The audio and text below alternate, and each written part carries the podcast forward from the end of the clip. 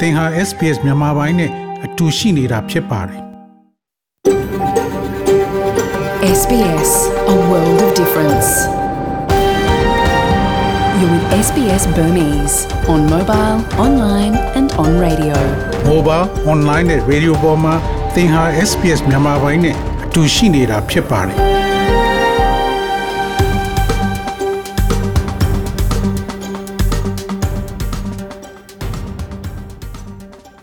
တော်ရရှင်များကျက်သိမင်္ဂလာဖျားဖျားနဲ့ပြည့်စုံတော်မူကြပါစားခင်ဗျာဒီနေ့ January လ၄ရက်အင်္ဂါနေ့မြန်မာပိုင်းစီစဉ်များကို SBS Radio မှစတင်သံလွှင့်နေပါရခင်ဗျာဒီနေ့စီစဉ်များကိုကျွန်တော်ကျော်ထွန်းအောင်ခေါ် Terror အောင်ကတင်ဆက်သွားမှာဖြစ်ပြီးယနေ့ပါဝင်မဲ့အစီအစဉ်များမှာတော့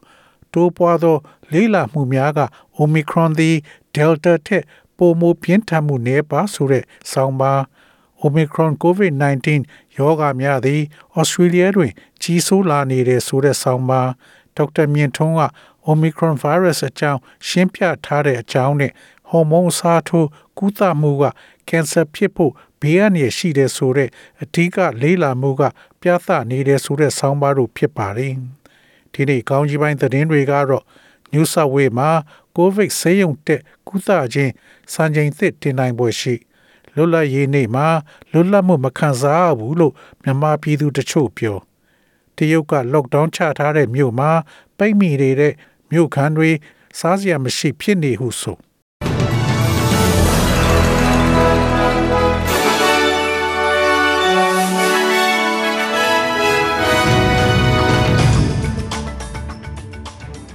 ယခုချိန်ကစပြီးသတင်းများကိုကျွန်တော်ကြော်ထုတ်အောင်ကစတင်ဖတ်ကြားပါတော့မယ်။ New South Wales မှာ COVID ဖြင့်ဆေးရုံတက်ကုသခြင်းအတွက်စံချိန်သစ်တင်နိုင်ပွဲရှိဟုဆို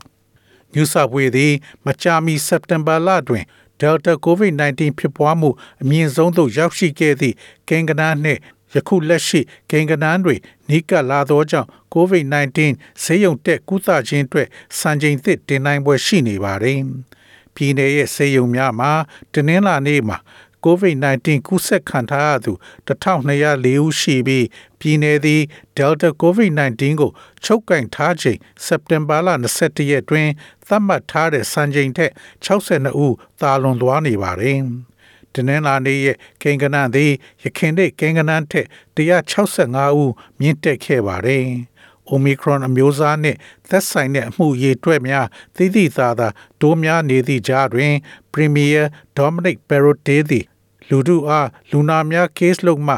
ဆေးရုံတက်လူနာအရေးအတွက်များသို့အာယုံဆိုင်ရန်တိုက်တွန်းထားပါတယ်။ကျမ်းမာရေးအရာရှိချုပ် Kerry Chan ကအာဏာပိုင်များသည်ဆေးရုံတက်နေရတဲ့ကိန်းဂဏန်းများအထူးချက်မှတ်ကုသဆောင်ဝင်ရသူများ virus ပိုးတွေ့ရှိသူများယာဂိုင်နှုံးနဲ့အမှုတွဲနံပါတ်များအပါအဝင် ရုပ်ပုံအားလုံးကိုကြီးစုမိဖြစ်ကြောင်းပြောဆိုသွားပါတယ်။ လွတ်လပ်ရေးနေ့မှာလွတ်လပ်မှုမခံစားရဘူးလို့ပြည်သူတချို့ညီးတွား January လ၄ရက်ဒီနေ့မှာကြာရောက်တဲ့84နှစ်မြောက်လွတ်လပ်ရေးနေ့ဟာစစ်အာဏာသိမ်းထားတဲ့ကာလဖြစ်လို့ခါတိုင်းနှစ်တွေလိုရက်ွက်တွေထဲမှာပျော်ပွဲရှင်ပွဲအစီအစဉ်တွေမရှိကြတော့ဘူးလို့သင်္ကန်းကျွန်းမြို့နယ်နေရန်ကုန်မြို့ခံတကူကပြောဆိုပါတယ်။ ပြီးခဲ့တဲ့နှစ်တွေတုန်းကတော့ရက်ွက်တွင်းကလမ်းတွေပေါ်မှာအပြေးပြိုင်ပွဲတွေချောတိုင်တက်ပွဲတွေစသဖြင့်လွတ်လပ်ရေးနေ့ပွဲတော်ကိုပျော်စရာကောင်းအောင်ကျင်းပလိရှိခဲ့ပါတယ်။နှစ်သက်ကူရုံးပိတ်ရဲနဲ့တစ်ဆက်တည်းလွတ်လပ်ရေးနဲ့ပိတ်ရက်ရှည်ကာလဖြစ်လို့တချို့ကလည်းအထင်ကြီးနေရာတွေစီသွားလေတာခရီးထွက်တာမျိုးတွေလောက်ကြပါတယ်ဒီနှစ်မှာလည်း ပြည်တွင်းခရီးထွက်နေကြသူတချို့ရှိပါတယ်ဒါပေမဲ့အများစုကတော့နိုင်ငံရေးလုံခြုံရေးအခြေအနေကြောင့်ပျော်ခြင်းစိတ်မရှိကြဘဲကိုယ်ပိုင်လွတ်လပ်ခွင့်တွေပျောက်ဆုံးနေတယ်လို့ခန်းစားနေရကြောင်းရန်ကုန်မှာနေထိုင်တဲ့မခင်သန္တာကပြောဆိုပါတယ်ရန်ကုန်မြို့ကမာရွတ်မြို့နယ်မှာနေထိုင်တဲ့အိမ်ရှင်မတူကလည်းတည်ငြိမ်လုံခြုံမှုမရှိတဲ့အတွက်အရင်ကလိုစန္ဒရှိတိုင်းသွားလာလို့မရတာကြောင့် စိတ်ရောကိုယ်ပါမလွတ်လပ်သလိုခံစားနေရတယ်လို့ပြောဆိုပါတယ်။အခုအခြေအနေမှာစိတ်လွတ်ကိုယ်လွတ်မနေနိုင်ကြဘူးလို့ပြောနေကြသလိုပရဟိတဆောင်ရွက်ပေးနေသူတွေကလည်းအာနာသိမ့်မင်းနောက်ပိုင်းကိုကြီးဆောင်ရွက်နေတဲ့နေရာမှာ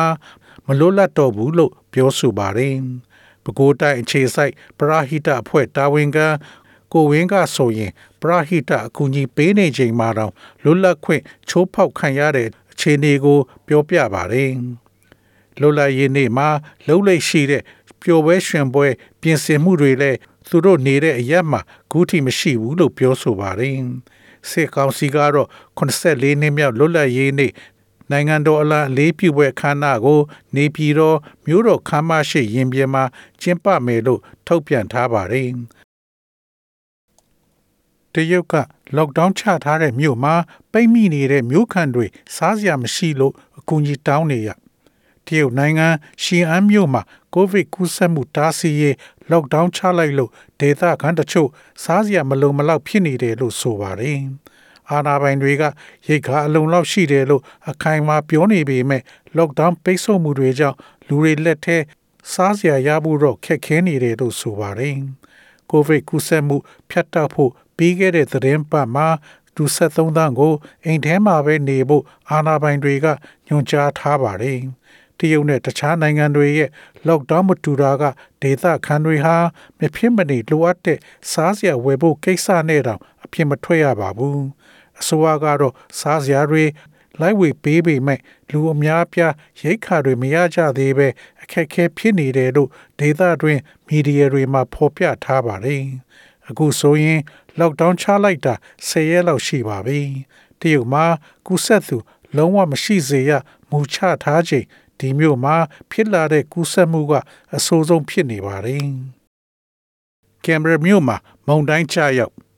ပြင်းထန်သောမိုးကြုံမိုးတိုင်းတစ်ခုဟာကင်ဘရာသို့ဝင်ရောက်တိုက်ခတ်ခဲ့ပြီးနေအိမ်များနှင့်ကားများပျက်စီးကာထောင်နှင့်ချီသော နေထိုင်သူများကိုလျှက်စစ်မိပြတ်တောက်ပြီးရပ်ပိုင်းတွင် တန်ရှင်ရေးကြိုးပမ်းမှုများလှုပ်ဆောင်မယ်လို့မျှော်လင့်နေရပါတယ်။မုန်တိုင်းသည်ယမန်နေ့ညနေ9:00နာရီချိန်ခန့်တွင် လေပြင်းများတိုက်ခတ်ပြီးပြင်းထန်သောလေပြင်းများတိုက်ခတ်မှုများမိုးသည်များချွေကျပြီးနောက်တင်းနှင်းလာနေမွန်းလွဲ7နာရီ30မိနစ်တွင် အကူအညီတောင်းခံမှု436ခုကို ACT ပြည်နယ်အရေးပေါ်ဝန်ဆောင်မှုကလက်ခံရရှိခဲ့တယ်လို့ဆိုပါတယ်။ အကူအညီတောင်းခံမှုအများစုသည် အိမ်များကားများနှင့်လမ်းပေါ်ရှိသစ်ပင်များလဲကျခြင်းတအားလိုက်များပြိုကျခြင်းနှင့်ဒေသအလိုက်ရေလွှမ်းမိုးခြင်းတို့ကြောင့်အပြင်းထန်ဆုံးသောဘယ်ကိုနီနှင့်ဂန်ဂါလင်ဒေသများမှကူညီတောင်းခံမှုအများစုဖြစ်တယ်လို့ SCS မှပြောကြားပါတယ်။ SCS သည်တန်ရှင်းမှုအားလာမယ့်ရက်အနည်းငယ်အတွင်းတိုးပြီးလုံနိုင်မယ်လို့မျှော်လင့်ရပြီး ဦးစားပေးမှုအများဆုံးဖြစ်ရများကိုဥစွာလှုံ့ဆော်သွားမည်ဖြစ်ကြောင်းပြောဆိုထားပါတယ်။သက်တော်ဆောင် Cherry ထက်ထောင်သုံးနှစ်အမိတ်ချခံရဒေါအောင်ဆန်းစုကြည်ရဲ့သက်တော်ဆောင်ဒူရဲအုပ် Cherry Tech ကိုရဲစည်းကမ်းထိန်းသိမ်းရေးဥပဒေနဲ့ထောင်သုံးနှစ်ချမှတ်ခံရပြီးနေပြည်တော်အချုပ်ထောင်ကနေရမဲသိန်းအချုပ်ထောင်ကိုပြောင်းရွှေ့ခံထားရတယ်လို့တရားရုံးနဲ့နှိဆက်သူတွေကပြောဆိုပါတယ်။ ပြီးခဲ့တဲ့ဒီဇင်ဘာ30ရက်နေ့ကအမိန့်ချမှတ်ခဲ့တာဖြစ်ပြီးသူ့ကိုဆွဲထားတဲ့နောက်တစ်မှုဖြစ်တဲ့ရာဇသက်ကြီးပုံမှန်935ကအမှုကတော့ဆက်လက်စစ်ဆေးပဲလို့တရားရုံးနဲ့နှိဆက်သူတူက RFA ကိုပြောဆိုပါတယ်။ရာဇသက်ပုံမှန်935ကအမှုကိုလာမဲ့ January 6ရက်မှာနှစ်ဖက်စလုံးကအပိသက်လျှောက်လဲချက်ပေးရမယ်လို့လည်းပြောထားပါတယ်။ ဒူရဲအုပ် Cherry ထက်ဟာပြီးခဲ့တဲ့ September လကနေပြည်တော်မှာဖမ်းဆီးထိန်သိမ်းခံရတာဖြစ်ပါတယ်။ Cherry Tech ကလူမှုကွန်ရက်စာမျက်နှာမှာမေမီအကောင့်နဲ့မတ်လအတွင်းမတရားတာကို မတရားဘူးလို့မပြောရင်းပါဇက်ပိတ်ထားပါတရားပါတယ်လို့မပြောပါနဲ့ We love တောင်ဆန်းစုကြည် page ကတင်ထားတဲ့လွမ်းလိုက်တာအမေဆိုတဲ့စာသားကိုဝေမျှခဲ့တယ်လို့လည်းအဲ့ဒီထုတ်ပြန်ချက်မှာပါရှိပါတယ် 2015အထွေထွေရွေးကောက်ပွဲမှာ NLD ပါတီအနိုင်ရခဲ့လို့ဒေါအောင်ဆန်းစုကြည်နိုင်ငံတော်အကြီးအကဲတာဝန်ယူခြင်းပြည်ထောင်စုဝန်ကြီးဌာနကဒူရဲအုပ် Cherry Tech ကိုသက်တော်ဆောင်ဖြစ်တာဝန်ပေးခဲ့တာဖြစ်ပါတယ်ဒူရဲအုပ် Cherry Tech ဟာဒေါအောင်ဆန်းစုကြည်နဲ့အနီးကပ်ဆုံနေခဲ့ရသူဖြစ်ပြီးနိုင်ငံတော်အဆင့်ပြည်တွင်ပြည်ပခီးစဉ်တွေမှာဘေးကအမြဲလိုက်ပါခွင့်ရခဲ့သူဖြစ်ပါတယ် SBS SBS SBS SBS SBS This is SBS Radio.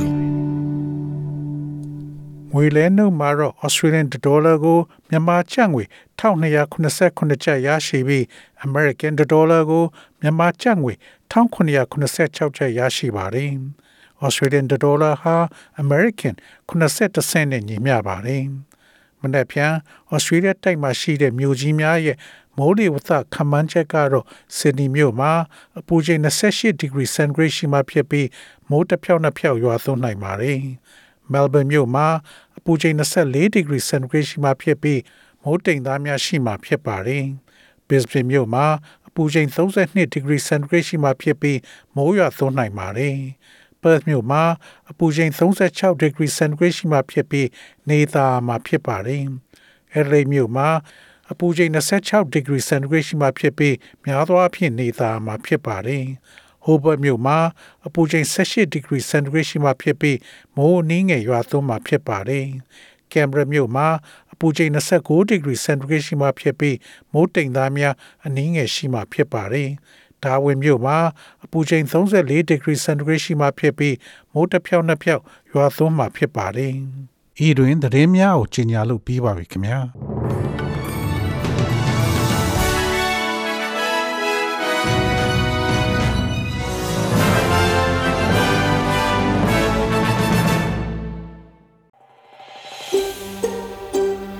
ဒါမျိုးသတင်းဆောင်မတွေကိုပိုနားဆင်လိုပါလား Apple Podcast Google Podcast Spotify တို့မှာသင်ပင်ရာဖြစ်ဖြစ်ရယူတဲ့ podcast ကနေပါ။